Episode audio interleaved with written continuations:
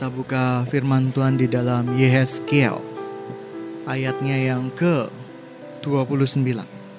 Hari-hari ini momennya tentang Mesir. Saya akan bicara tentang Mesir.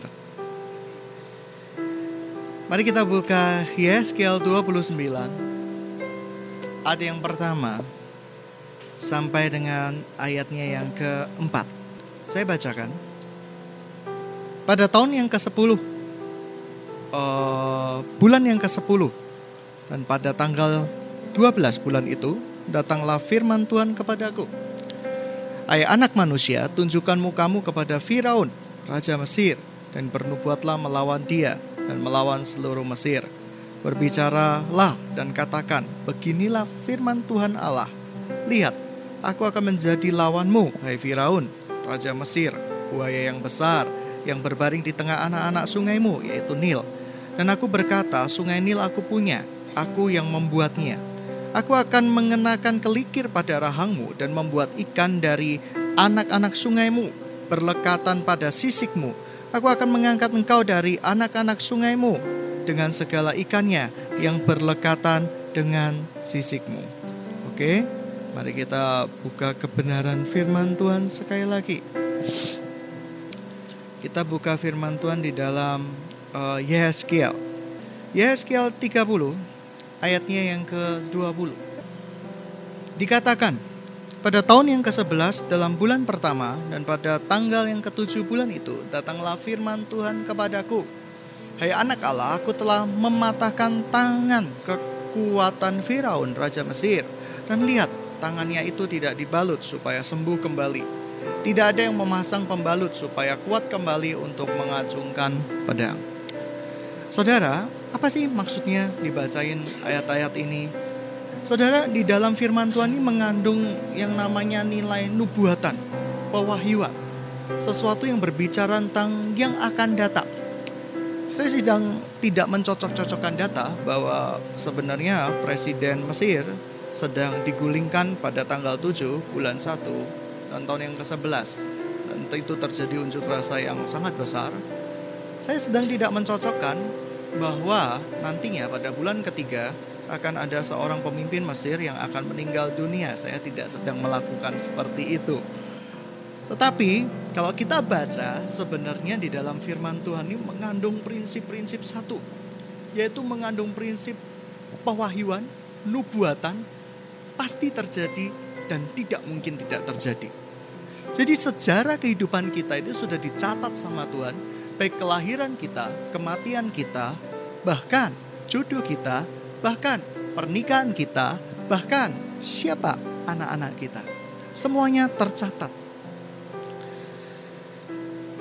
Uh, beberapa waktu yang lalu, saudaraku, Tuhan berbicara banyak mengenai tentang akhir zaman. Tapi saya tidak akan ceritakan tetapi yang saya akan beritahukan kepada Anda bahwa tanda-tanda akhir zaman sudah semakin dekat. Bahwa orang menjauhi pengajaran-pengajaran yang sehat. Orang mulai berusaha untuk mendengarkan pengajaran-pengajaran yang menyenangkan telinga. Pengajaran yang berbicara, eh kamu boleh free sex. Yesus masih mengasihimu. Gak apa-apa, kamu tetap homo, kamu tetap lesbi, Nggak apa-apa kamu jadi banci, tapi Yesus tetap ada pada kamu. Orang lebih suka pengajaran-pengajaran seperti itu. Orang lebih suka dengan pengajaran-pengajaran bahwa aku boleh hidup tanpa kekudusan. Yang penting aku udah diselamatkan. Sekali selamat untuk selama-lamanya selamat. Firman Tuhan memang mengajarkan seperti itu. Tetapi Keselamatan yang sejati memang tidak pernah bisa diambil oleh siapa pun. Keselamatan sejati tidak mungkin bisa direbut oleh siapa pun. Kecuali dengan sengaja kita menggagalkan kasih karunia Tuhan. Dan mencemooh kasih karunia Tuhan. Dan mengingkari kekuatan perjanjian itu. Saudara, di dalam firman Tuhan ini penuh dengan kejadian-kejadian ajaib. Kalau Anda baca, saya tidak berusaha menghubung-hubungkan tanggal tapi saya jamin pemimpin Mesir akan meninggal pada bulan ketiga tahun ini. Enggak, enggak saudaraku ya. Tapi saya juga jamin bahwa pemerintahan Mesir yang sebagai satabilator uh, di Afrika, di Arab, itu akan mulai kacau. Dan ini memang harus terjadi. Karena Israel harus diserbu orang. Israel ini harus dihilangkan congkaknya. Nah, harus dibasmi semuanya sehingga nggak ada lagi yang bisa tolong Israel seperti yang sudah digenapkan dan diwahyukan di dalam kebenaran firman Tuhan. Itu pasti terjadi, Israel akan betul-betul diserang oleh berbagai macam negara dan Anda akan lihat Israel di sana betul-betul akan terancam sebagai negeri perjanjian Tuhan. Dan detik-detik terakhir pertobatan mulai muncul. Memang dari zaman dahulu pertobatan selalu datangnya terakhir. Saya tidak bela Israel. Tapi nanti Israel yang akan datang. Itu mereka akan dipulihkan oleh Mesias mereka. Mereka akan sadar dengan penderitaan, dengan tekanan mereka akan sadar, mereka akan dengan berlinang air mata percaya bahwa mereka butuh Tuhan. Mereka butuh yang namanya pertobatan. Dan ketika Tuhan lihat pertobatan dari orang-orang Israel, Tuhan ini hatinya gampang tersentuh dan berkata, "Aku akan memulihkan kembali pondok daun itu. Aku akan memulihkan kembali kehidupan." Israel berusaha menjumpai Tuhan dengan cara yang salah. Sekalipun cara yang salah kadang diizinkan Tuhan untuk mendatangkan kebaikan. Loh kok bisa? Kamu pikir bunuh orang itu cara yang salah nggak? Cara yang salah. Serobot tanah orang itu cara yang salah nggak? Cara yang salah. Walaupun memang itu asalnya tanah untuk orang Israel. Tapi Israel berusaha menggali supaya ya bait suci itu ada kembali. Bait suci ada kembali. Dengan cara apa? Kalau kalian lihat di uh, channel Discovery, di sana akan dilihatkan bahwa mereka sedang menggali terowongan. Menemukan puing demi puing. Tapi mereka salah, biar mereka temuin bait Allah tanpa tanpa mesbah perjanjian, tanpa apa ya? Tanpa uh, kaki dian ya percuma. Kaki dian mereka sedang hilang, itu harta yang paling diinginkan di seluruh bumi ini emasnya berkilau-kilau. Wah, kalau Anda lihat di internet daftar harga uh, harta karun yang paling berharga pasti urutan nomor satu itu apa? Apa? Kaki dia yang berisi apa? Sepuluh perintah Allah. Itu hilang entah ke mana. Ada gosip mengatakan orang-orang Yahudi yang uh, mengambilnya. Wah, gitu ya disembunyikan di rumah orang-orang Yahudi. Oh itu ada di sebuah pegunungan. Saya tidak tahu gosipnya. Namanya gosip, tidak jelas. Tapi ini kagidian yang beneran gitu ya. Ini tabut perjanjian yang beneran. Yang ber, yang ada kerup dan kerubim di sana. Nah, sidang jemaat yang dikasih Tuhan, kalau Anda lihat perjalanan dunia ini, ini pasti akan berakhir. Amin. Dan semuanya akan tergenapi Tuhan dengan sempurna. Bahkan hari-hari ini Tuhan berkata bahwa malaikat maut alias iblis sedang memanifestasikan kuasanya. Oleh karena itu jangan heran di dalam kehidupan kalian kalau tiba-tiba, kalau tiba-tiba dengan tiba-tiba, tiba-tiba kalian punya paman meninggal dunia. Iya kan? Wah, pamanku baru umur 25 tahun kok meninggal dunia. Padahal umurku 24 ada ya kejadian uh, saya punya apa ya saya punya saudara saya harus panggil dia Koko walaupun usianya masih lima tahun. Hmm, Koko gitu ya seperti itu. Hmm. Ada kejadian-kejadian seperti itu. Tapi yang saya mau katakan ini sedang berakhir, bumi ini sedang berakhir. Bumi ini sedang bergolak dan semuanya sudah dirancang Tuhan dengan sempurna. Kata Tuhan rancanganku nggak ada satupun yang gagal. Saudara kalau kita lihat nubuatan Tuhan tentang Mesir, finally akhirnya Mesir itu akan dibuat Tuhan tidak berdaya lagi Mesir itu dibuat Tuhan, sejarahnya hilang. Bahkan kamu lihat piramid-piramid di Mesir, sekarang pergi ke Mesir sebelum piramid itu dimusnahkan sama Tuhan. Karena firman Tuhan berkata kebudayaanmu akan kurampas semua, akan kuserahkan ke mana-mana. Sehingga yang tadinya kamu menjadi bangsa yang penuh dengan kebudayaan. Maka sekarang kamu menjadi bangsa yang lupa dengan kebudayaanmu sendiri. Kurang lebih itu intinya. Bahkan Tuhan berkata, kamu akan lihat benda-benda bersejarahmu dijarah orang. Dan itu sedang terjadi. Saudara orang pergi ke museum, ngambil mumi. Ya kan, enggak ketemu mumi. Kepalanya di apa ya diputul gitu ya supaya menjadi barang-barang berharga. Nah, sidang jemaat yang dikasih Tuhan, saya percaya persis hidup kita pun penuh dengan nubuatan Tuhan. Saya percaya persis hidup Anda di tangan Tuhan.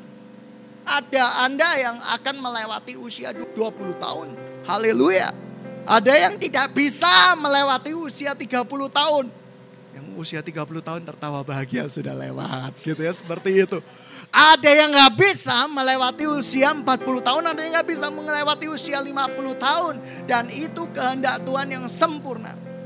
Pada satu hari di kebaktian, jauh di beberapa tahun yang lalu. Tuhan berkata di sebuah kebaktian rohani akan ada empat orang yang meninggal dunia Daniel. Katakan kepada mereka bertobatlah. Saya dengan semangat berkata bertobatlah. Semuanya tapi tidak diperhatikan. Saya salah menghitung.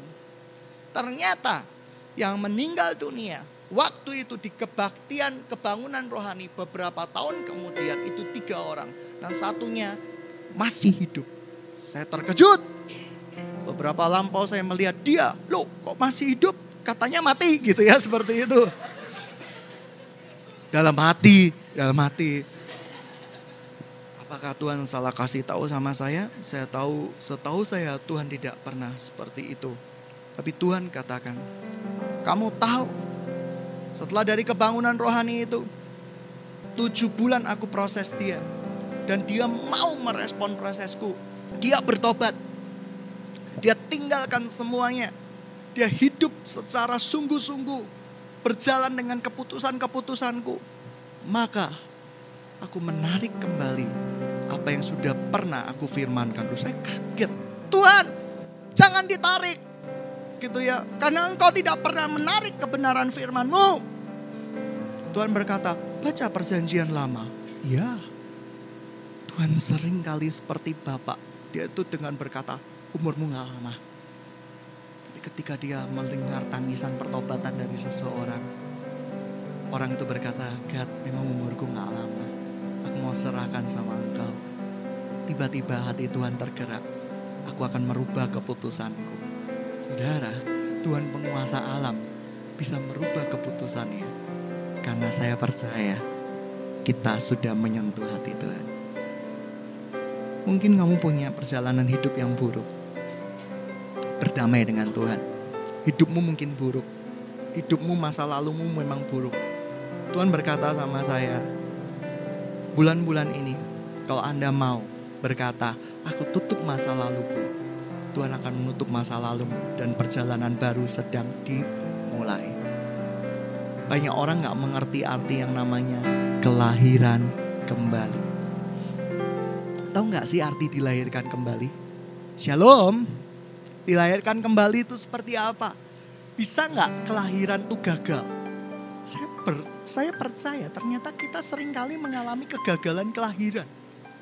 Kegagalan kelahiran kembali karena saya percaya firman Tuhan tidak mungkin berbohong. Ciri-ciri orang yang lahir kembali itu hidupnya itu fresh, sukacita, penuh buah-buah roh gitu ya.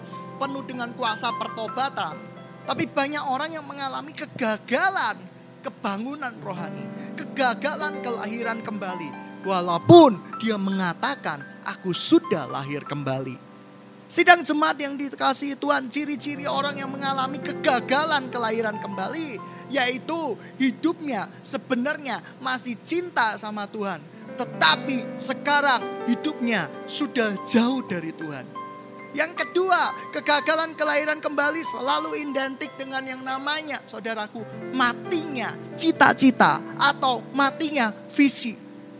Kita sering kali berkata bahwa sudahlah, cukup. Saya tidak mau dengar berita-berita yang rohani. Yang penting saya menikah, punya tujuh anak, tujuh anak saya lima itu jadi uh, apa ya? Lima itu jadi pengusaha besar, dua jadi artis, cukup sudah buat saya. Sedang jemaat yang dikasih Tuhan, ini pertanda kegagalan kelahiran kembali.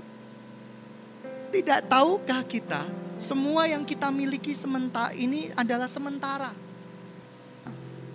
Firman Tuhan sebagai guru dari semua kepercayaan mengatakan bahwa hidup ini tidaklah kekal apa yang kita miliki sekarang akan kita lepaskan. Hai Anda yang sudah beristri, bersuami, pacaran. Suatu hari kelak Anda akan dilepaskan atau Anda akan melepaskan pasanganmu. Percaya nggak? Tidak ada teori Romeo dan Juliet. Oh Romi kok mati, Juliet juga mati minum racun. Tidak boleh minum racun masuk neraka loh ya. Seperti itu. Saya nggak minum racun. Saya cuma minum minuman keras gitu ya. Seperti itu batu gitu ya dan yang lain-lain. Sidang jemaat yang dikasih Tuhan. Saya cuma mau kasih tahu. Yang kamu sekarang lihat itu. Itu fana. Tubuh yang kamu lihat itu sekarang itu fana Jangan kagum dengan tubuhmu. Karena 20 tahun sampai 30 tahun lagi tubuhmu yang kencang ini, imut ini menjadi keriput. Sedang jemaat yang dikasih Tuhan oleh karena itu Tuhan mengajarkan serahkan semuanya kepadaku, lepaskan apa yang terikat di bumi akan terikat di juga. Ajaran agama lain juga berkata, jangan melekat. Ini kemelekatan. Ya kan? Ini kemelekatan. Kamu tidak boleh terikat. Ini kemelekatan. Lo benar. Saudaraku, firman Tuhan yang menjadi guru dari semua ajaran agama. Saya percaya mengajarkan sudah jauh-jauh hari. Bahwa apa yang kamu punya akan kamu tinggalkan. Sekarang saya punya beberapa rumah. Suatu saat saya akan tinggalkan rumah itu. Amin. Tidak akan saya bawa ke surga. Sekarang saya punya beberapa kendaraan. Suatu saat saya akan tinggalkan. Yang ada nanti cuma kisah baru. Kisah yang kekal. Kalau Anda memasuki kerajaan seribu tahun itu ndak kekal. Masih prakekal. Apa yang kau miliki nanti di kerajaan seribu tahun bisa hilang semuanya diganti dengan ikatan dengan Kristus yang kekal selama-lamanya. Sudah siapkah engkau? Suatu saat engkau akan meninggalkan temanmu kiri kanan. Coba lihat teman kiri kanan. Suatu saat kamu akan dilepas mereka pergi dan melepas mereka pergi. Ini wajar. Ini sebuah hukum di bumi yang gak bisa kita pungkiri lagi. Kematian itu sesuatu yang akan terjadi, pasti terjadi. Ada orang yang tidak mau terima kematian. Khotbahnya selalu berbicara diangkat Tuhan, diangkat Tuhan, naik kereta, naik kereta, naik kereta. Tapi kematian tuh pasti itu terjadi.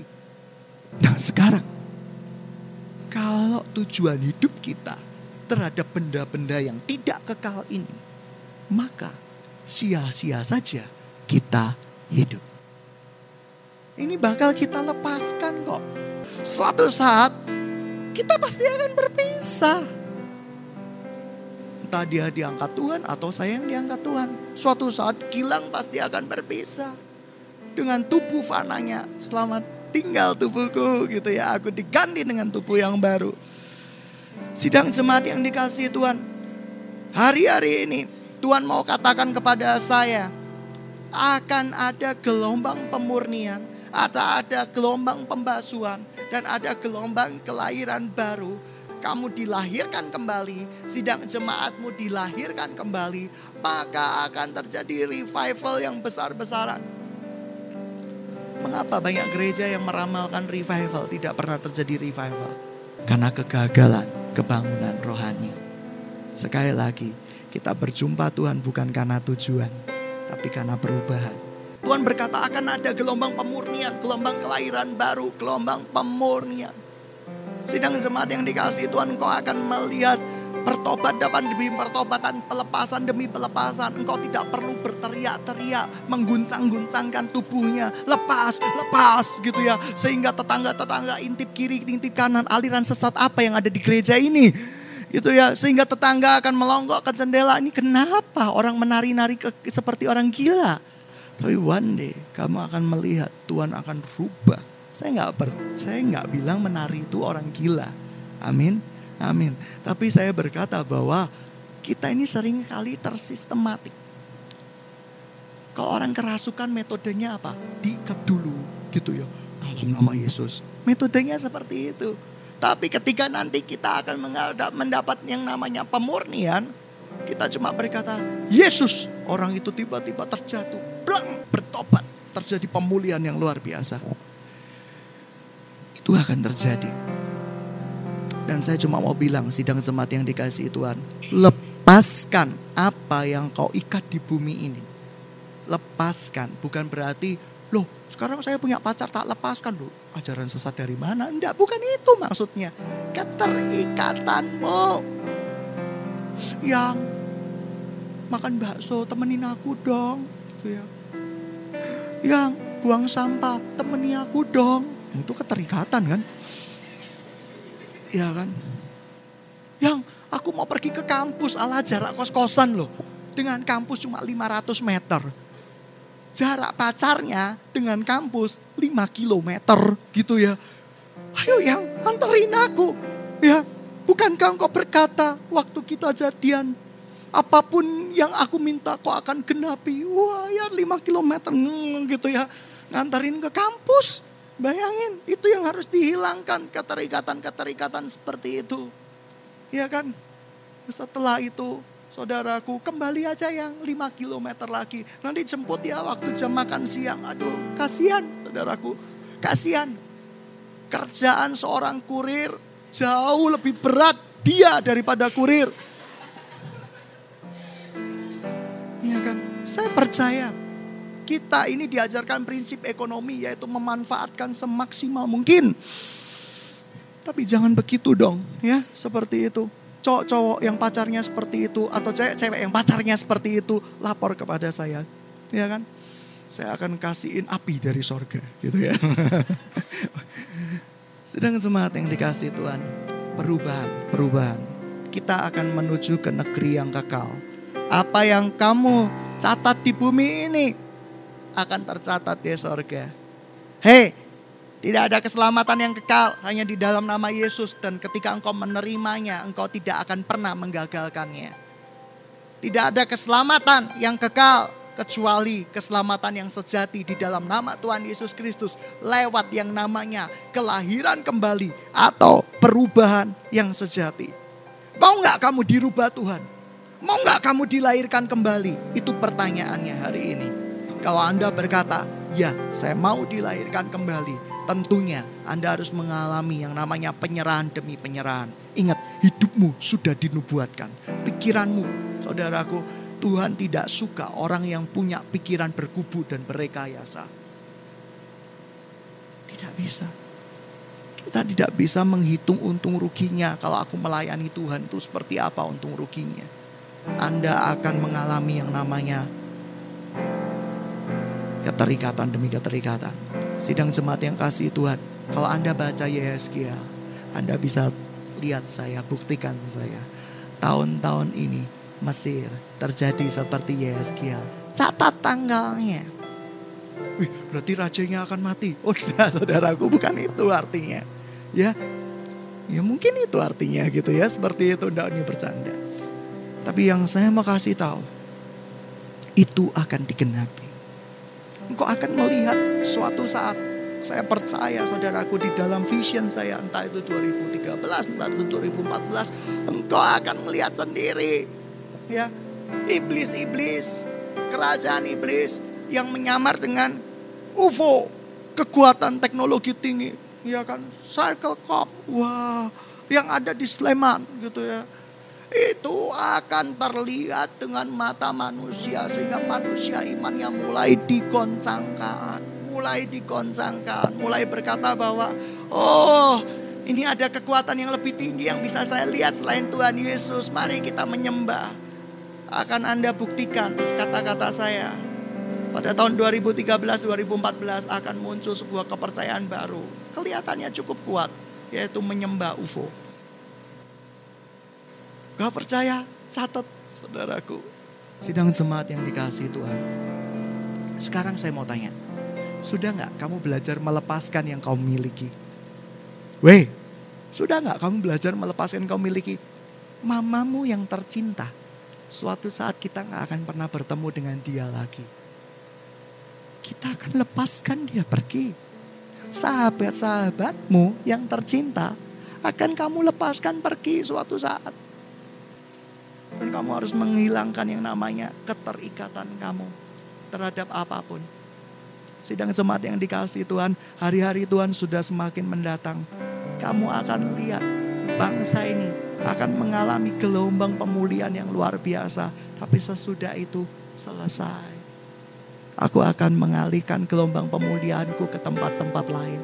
Sudah siapkah Anda menghadapi tahun 2012? Bukan tahun air bah, saya jamin itu. Tapi tahun di mana Tuhan memberikan gelombang pemurnian yang terakhir selama berapa tahun? Selama kemungkinan besar tujuh tahun sampai kurang lebih tujuh kali tujuh tahun. Saya berharap tujuh kali tujuh tahun. Kenapa? Semakin banyak yang diselamatkan, tapi saya nggak ngerti tapi yang saya jelas tahu, tahun depan akan ada gelombang pemurnian yang besar. Dan Tuhan berkata pada saya, katakan kepada mereka, lepaskan semua yang terikat. Bukan berarti apa, uh pacar, pergi kau. Uh, bukan gitu caranya, saudaraku ya. Artinya kamu dengan pacar kamu berkata, hey, suatu saat aku akan mengantarkan engkau pergi atau aku akan diantarkan pergi. Jadi jangan main-main. Jaga kekudusan ya, jaga jarak. Kalau pacaran 10 meter. Itu ya seperti itu. Amin. Amin. Mulai sekarang kamu harus jadi pacarku yang kudus. Caranya apa? Mandi setiap hari, sucikan dirimu gitu ya. Kita menjadi pacaran yang kudus. Ceritakan kebenaran firman Tuhan Caranya gimana? Ketika ada orang pacaran di mana? Di rumah makan di McD, mereka mau cium-ciuman, kita langsung sapa mereka. Ayo gitu ya ketahuan. Firman Tuhan mengatakan gitu ya. Yesus akan segera datang, pasti datang dan tidak mungkin datang. Itu yang namanya pacaran penuh dengan kekudusan. Amin. Amin. Ayo komitmen sama pacarmu. Eh, penuh kekudusan ya. Dan hidup bukanlah tujuan dari segalanya, tapi kematian adalah keuntungan buat kita. Tanamkan itu baik-baik.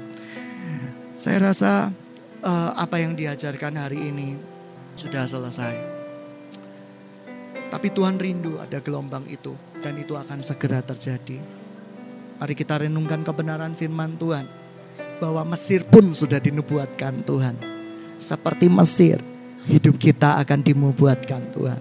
Anda akan lihat dibaca di Yeskiel Mesir pada tahun 2012, 2011 dan yang lain-lain. Mohon maaf tahun yang ke-12, tahun yang ke-11 akan terjadi apa dan apa. Semuanya sudah diwayukan Tuhan dengan sempurna. Sidang jemaat kita ambil saat teduh. Saya mau tantang Anda untuk hidup benar di hadapan Tuhan. Hidup benar di hadapan Tuhan yaitu satu, menyerahkan semuanya di hadapan Tuhan tidak ada yang kekal di buka bumi ini. Tidak ada yang kekal. Siapa yang tahu umurmu? Tidak ada yang tahu. Besok engkau meninggal. Mungkin.